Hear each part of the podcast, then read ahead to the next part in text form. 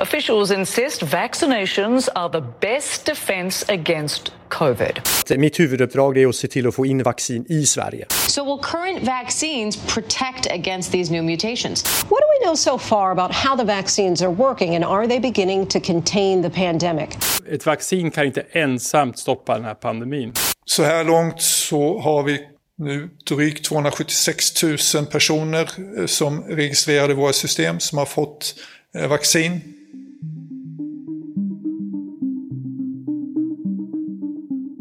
Vaccin, vaccin, vaccin. Ett år efter pandemins start handlar allt om vaccinen mot corona och om den gigantiska vaccinationsprocess som Sverige står inför. Nya frågor uppstår hela tiden och här ska vi försöka svara på några av dem. Hur problematiskt är det att det finns flera länder som inte fått några vaccindoser alls? Hur ska vi tänka kring AstraZenecas vaccin som inte verkar fungera mot den sydafrikanska mutationen? Och hur länge skyddar vaccinen egentligen? Det här och mycket annat ska vi prata om i dagens Aftonbladet Daily. Och vi gör det med Farshid Jalalvan som är biträdande forskare inom klinisk mikrobiologi på Lunds universitet. Det finns ju länder där man fortfarande inte sett röken av några vaccin. Förutom den uppenbara orättvisan i det innebär inte det också risk för fler mutationer. Vi hör Farshid Jalalvand. Rent generellt så kommer vi inte få stopp på pandemin förrän en stor del av den globala populationen är vaccinerade. Och det som kan hända om vi låter bli eller om vi inte gör det tillräckligt snabbt eller om vi drar fötterna efter oss eller om vi eh, om, om rikare länder bunkrar upp massa vaccin som de inte använder så kan det uppstå mutationer, eller ja, det kan uppstå ackumulerade mutationer i viruset som det till exempel har gjort nu i Sydafrika. Och den här sydafrikanska varianten som har eh, många mutationer. Nu visar det sig att ett av de vaccinerna som vi har kommer inte vara effektiv mot den. Så det betyder att nu finns det en variant av viruset i cirkulation som kan infektera även vaccinerade människor. Och ju längre tid vi, vi, vi tar med att eh, vaccinera den globala populationen, den globala eh, befolkningen, desto större chans att sådana här varianter uppstår här och var och gör hela vaccinationskampanjen liksom förlegat eller vad man ska säga. Det gör att allting måste, man måste då ta fram nya vacciner som biter på de här nya mutanterna och så vidare. Mm. Så ja, eh, det är absolut en prioritet. Det borde vara en prioritet för hela världen att hjälpas åt att vaccinera eh, den globala befolkningen. Vi kommer återkomma till det vaccinet som du nämnde, eh, AstraZenecas vaccin. Men först, vet vi något mer om hur länge de olika vaccinen skyddar oss mot sjukdom och smittspridning? Alltså, vi har ju en gigantisk vaccinationsprocess nu. Kommer vi att behöva göra om den ganska snart?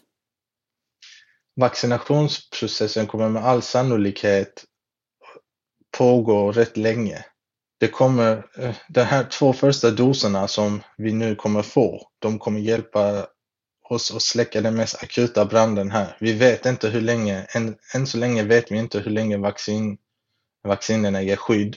Antagligen ändå ett rätt så bra tag, men till exempel nu när vi sett att det har kommit en mutantversion, så, eh, en mutantvariant, så är det många läkemedelsföretag som håller på att utveckla booster doser eller boostervacciner till sina, till exempel Moderna gör en boostervaccin och Pfizer och AstraZeneca som ska bita på mutantvarianterna också.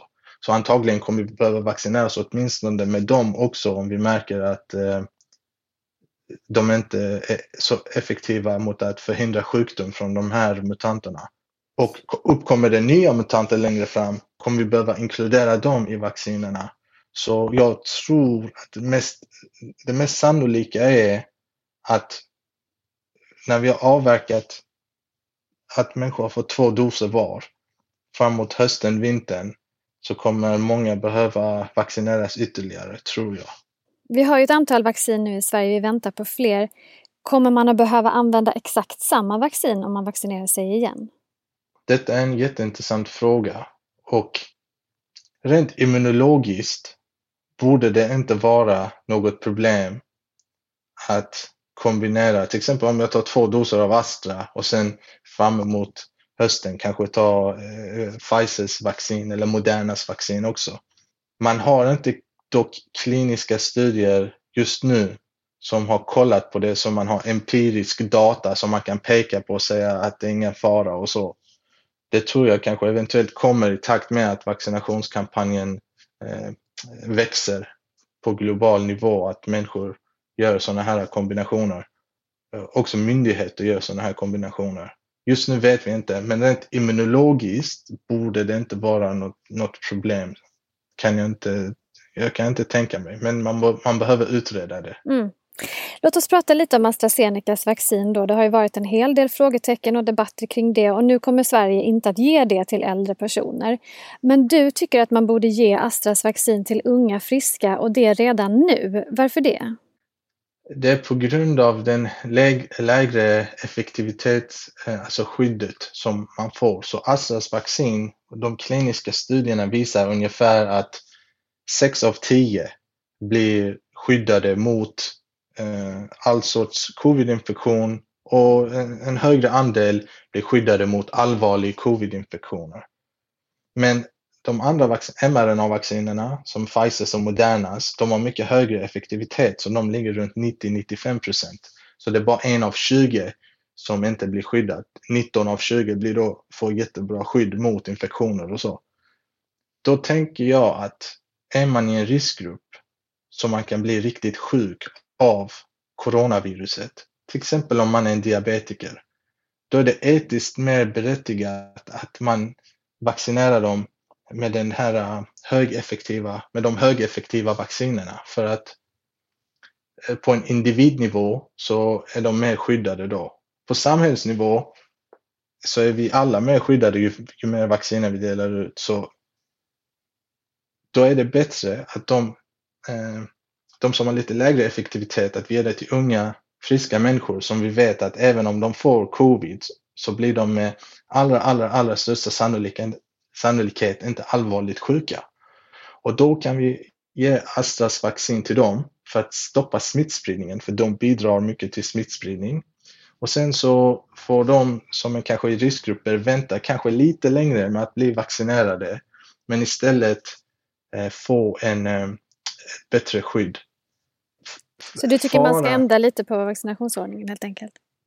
Alltså det är en idé att, att, att åtminstone överväga det. Det som är nackdelen med att göra det på det här sättet, det är att de som är i riskgrupper, som då får vänta på att bli vaccinerade, utsätts för en risk under tiden de väntar på att bli vaccinerade. Så om vi tar diabetes, typ 2-diabetiker som, en, som, en, som ett exempel. Om du har då som grupp, låt oss säga det finns 100 000 sådana i Sverige, om då 60 procent av dem får skydd så är det ju bättre än att 0 procent får skydd.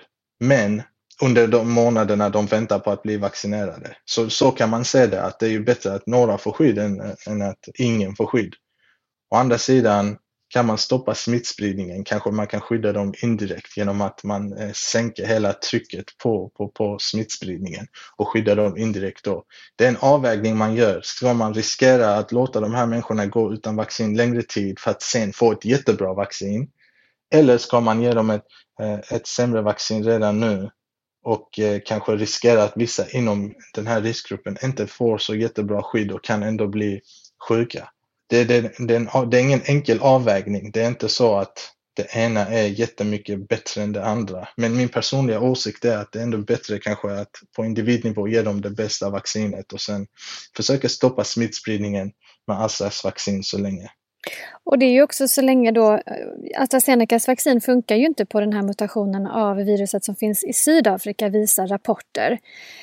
Vad händer då om vi skulle få in den mutationen här men vi har då ganska många som har fått AstraZenecas vaccin? Ja, då skulle den sprida sig ju bland även de som har fått vaccinet skulle den med all sannolikhet sprida sig där också. Det är det som är faran med, med det vaccinet. Just nu har vi inte så stor spridning av den varianten, tack och lov. Vi har spridning av den brittiska varianten, vilket Assas eh, vaccin ändå skyddar mot. Och Pfizers och Modernas också. Och sen så har vi såklart eh, virus som liknar eh, originalstammen från eh, Wuhan. Mot dem skyddar ju eh, vaccinet. Vi ska byta ämne lite. Om man har antikroppar så verkar det ju som att en vaccindos hjälper med det vi vet nu. Borde inte folk som har varit sjuka och har antikroppar bara få en dos så kan vi vaccinera många fler mycket snabbare? Jo, rent teoretiskt sett hade det varit bra. Men det är logistiskt, dels är det logistiskt svårt att reda ut exakt vem som har haft vad. Och ska vi då bara gå på bekräftade fall med PCR och så vidare? Eh, eller ska, ska man gå på anekdotiskt bevis? Folk kommer in och säger jag är 100% säker på att jag har haft covid, jag har eh, jag tappar lukt, eh, luktsinnet, jag var utslagen i två veckor men jag har inget liksom PCR-svar på att jag var positiv. Och vad ska man göra med dem? Ska man behandla dem som, ett eller, ett eller, alltså som de har haft det eller inte? Ska de ha en eller två doser? Dels det. Dels är det logistiskt svårt att försöka, alltså om, om vi har stora vaccinationskampanjer där folk kommer och ska bli vaccinerade, att reda ut vem som har haft det och så vidare.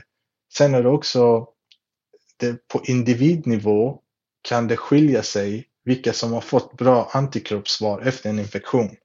Så vissa av oss har fått jättebra antikroppssvar efter infektion och vi har haft det och sen så får man en dos och sen är det som att bli vaccinerad två gånger och då är man jättebra skyddad. Vissa har haft en infektion av olika anledningar, genetiska anledningar av eh, eh, hur kroppen har genomgått tidigare infektioner och så. Allt det kan påverka. Och då kanske de inte har fått jättebra immunsvar mot viruset fastän de genomgått en infektion.